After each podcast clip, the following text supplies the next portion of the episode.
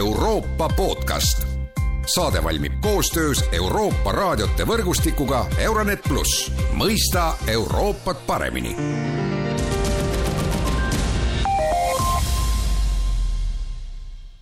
tere jälle kuulama Euroopa podcasti.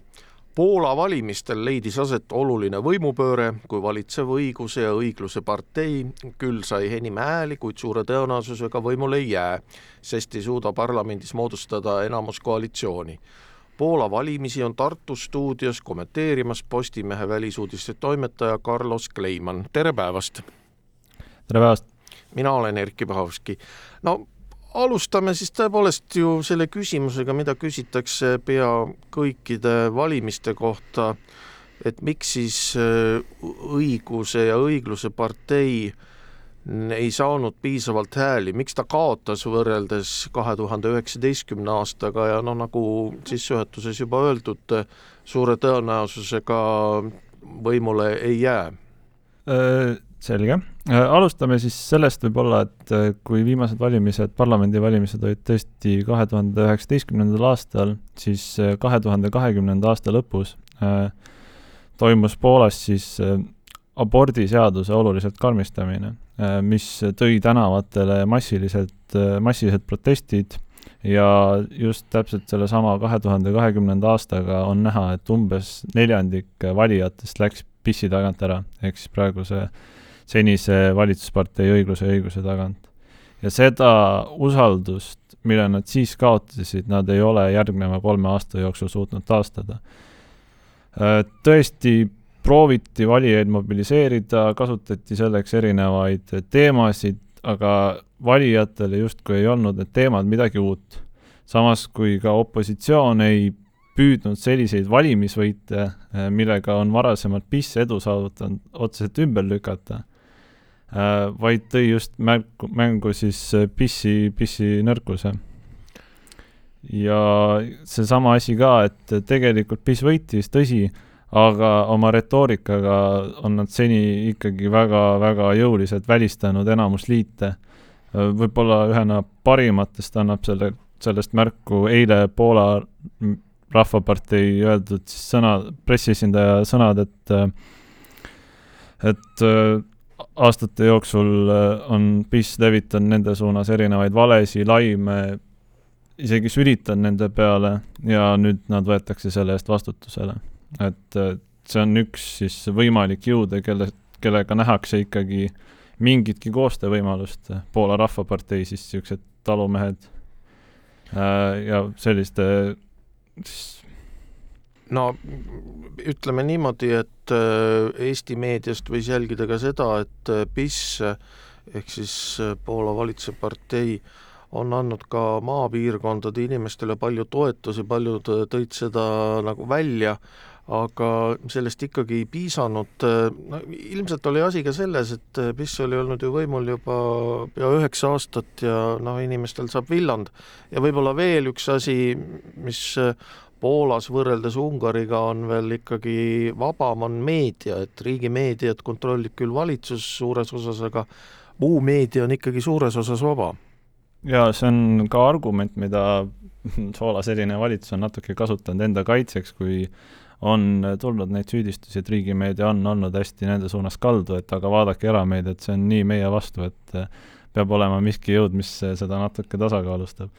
kui väga see õige on, on jah küsimus, aga samas tõesti erameedia on enam-vähem laialdaselt kättesaadav, võib-olla isegi Eestiga võrreldes asju on vähem maksumüüri taga, et inimesed ikkagi saavad ka teistsugust vaadet, kui nad vähemalt, vähegi otsivad. aga nüüd äh, koos valimistega toimus ka referendum nelja küsimuse osas, et seal rääg-, küsiti siis äh, noh, näiteks äh, pensioniea tõstmise kohta, selle kohta, kas valitsus peaks eemaldama äh, tara piiril Valgevenega ja, ja nii edasi, aga noh, huvitav on see, et äh, kui osavõtuprotsent üldistest valimistest oli pea seitsekümmend viis protsenti, siis siis referendumist äh, ju tegelikult võttis äh, osa palju vähem inimesi, see osavõtuprotsent oli umbes äh, neljakümne ringis, et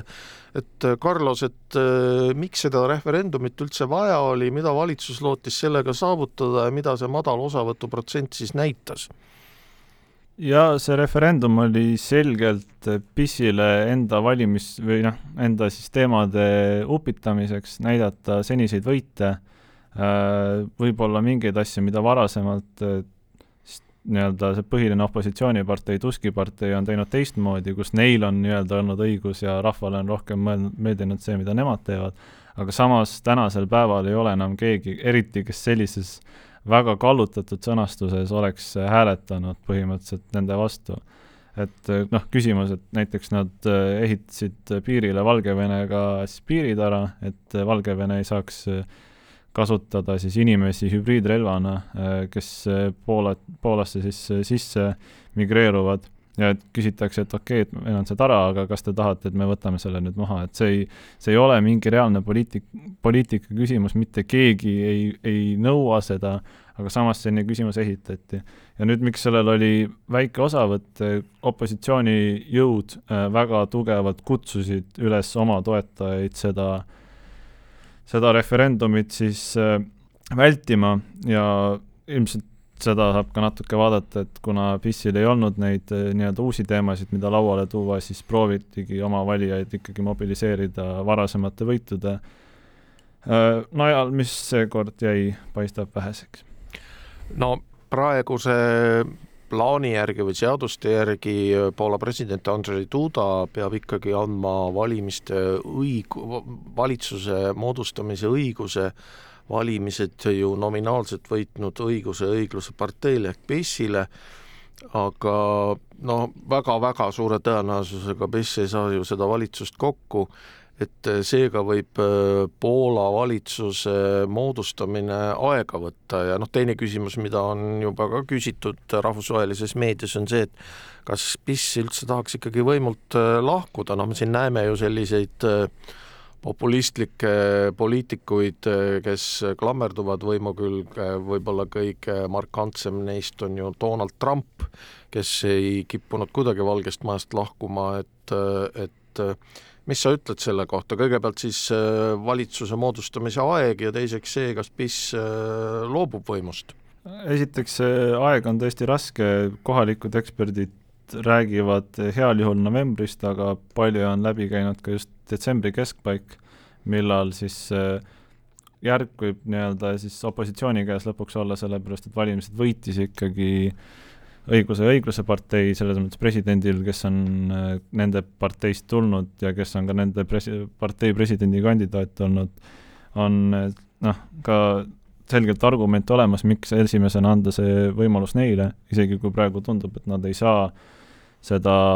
koalitsiooni kokku, et siis ikkagi natuke lisaaega võib-olla lüüa mingit kiilu eh, kuhugi siis praeguse opositsiooni ridadesse, mis neil varem on olnud eh, pigem nende trump ja nad on seda suutnud, aga seekord eh,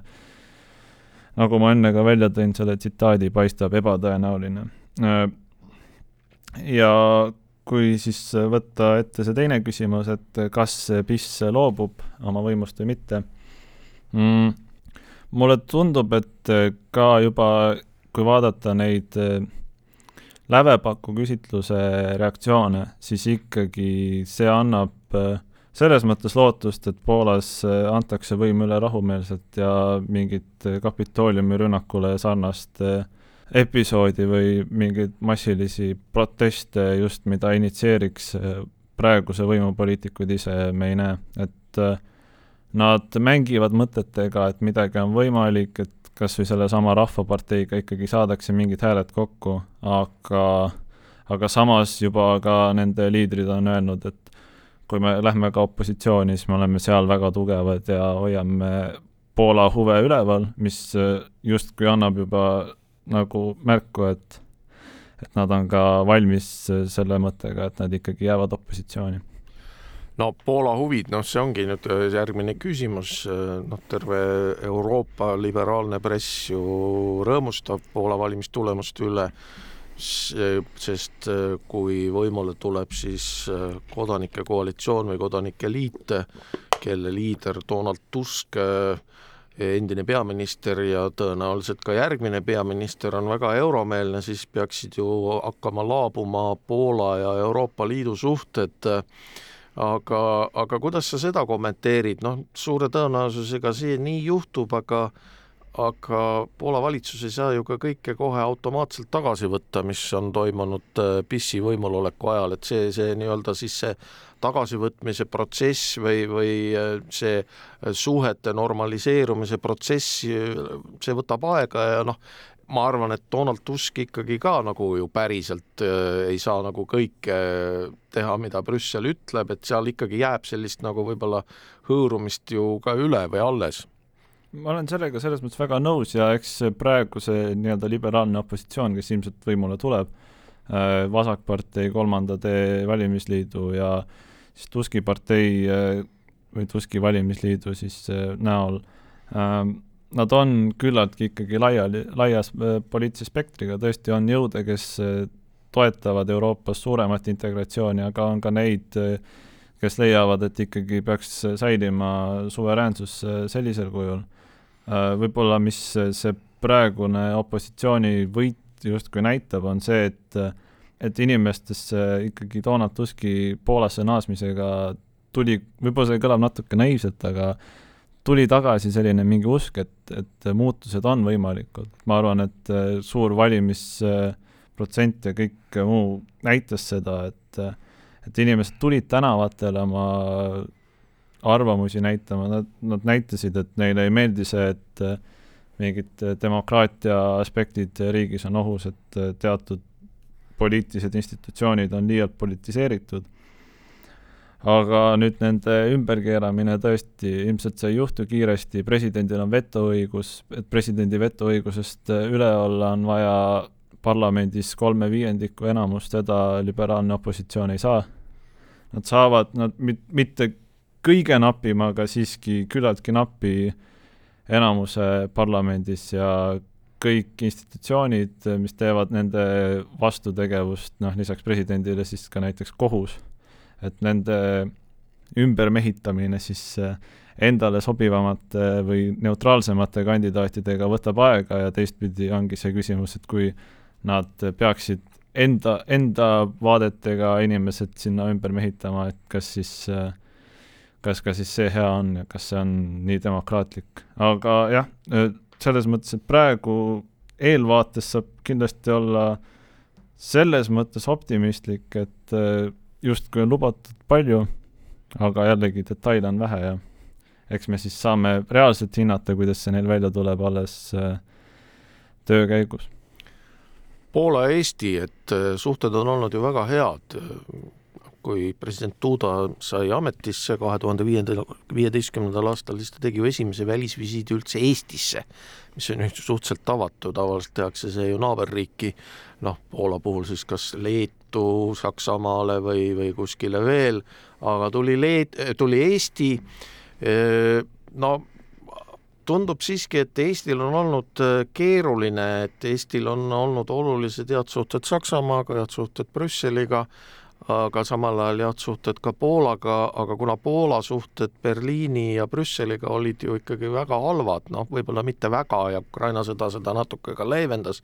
siis Eestile, Eesti pidi laveerima, nüüd tundub, et see nagu see moment langeb ära, kui Poola valitsus, uus valitsus tuleb euromeelne. jaa, selles mõttes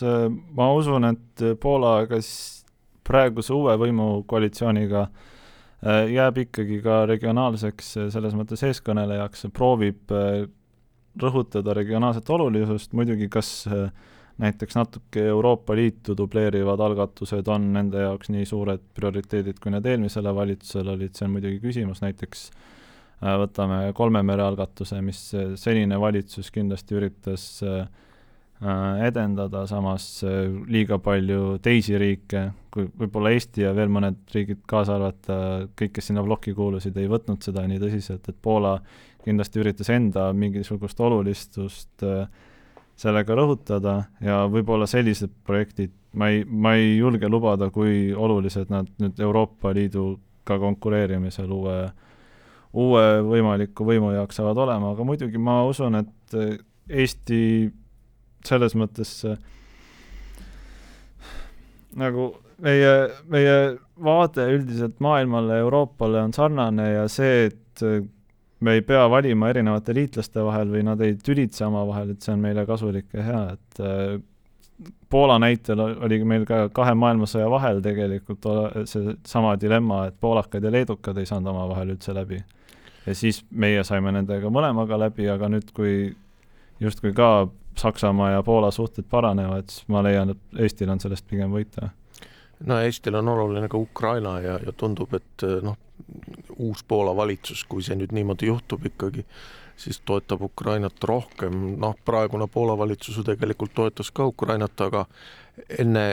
enne valimisi oli ju episood, kus äh, nad keelustasid äh, Ukraina vilja impordi, ehkki seda ei saa teha ju Euroopa Liidu liikmesriik üksi, see on Euroopa Liidu pädevuses väliskaubandus ja see kõik sellega seonduv noh, tundub praegu siis, et, et ka Ukraina osas, et Ukraina on ju tegelikult selle Poola valimistega võitnud äh,? mulle tundub, nii palju, kui ma olen ise Ukraina portaale praegu lugenud, on nad tõesti õnnelikud selliste arengute üle äh,, aga me samas ei tahaks ka täiesti alavääristada seda senist pingutust, mida Poola on teinud, et tõesti äh, eriti sõja alguses oldi väga-väga valmis Ukrainat igakülgselt toetama, tõstatati seda teemat tugevalt Euroopas, samal ajal kui mõned teised riigid veel kahtlesid,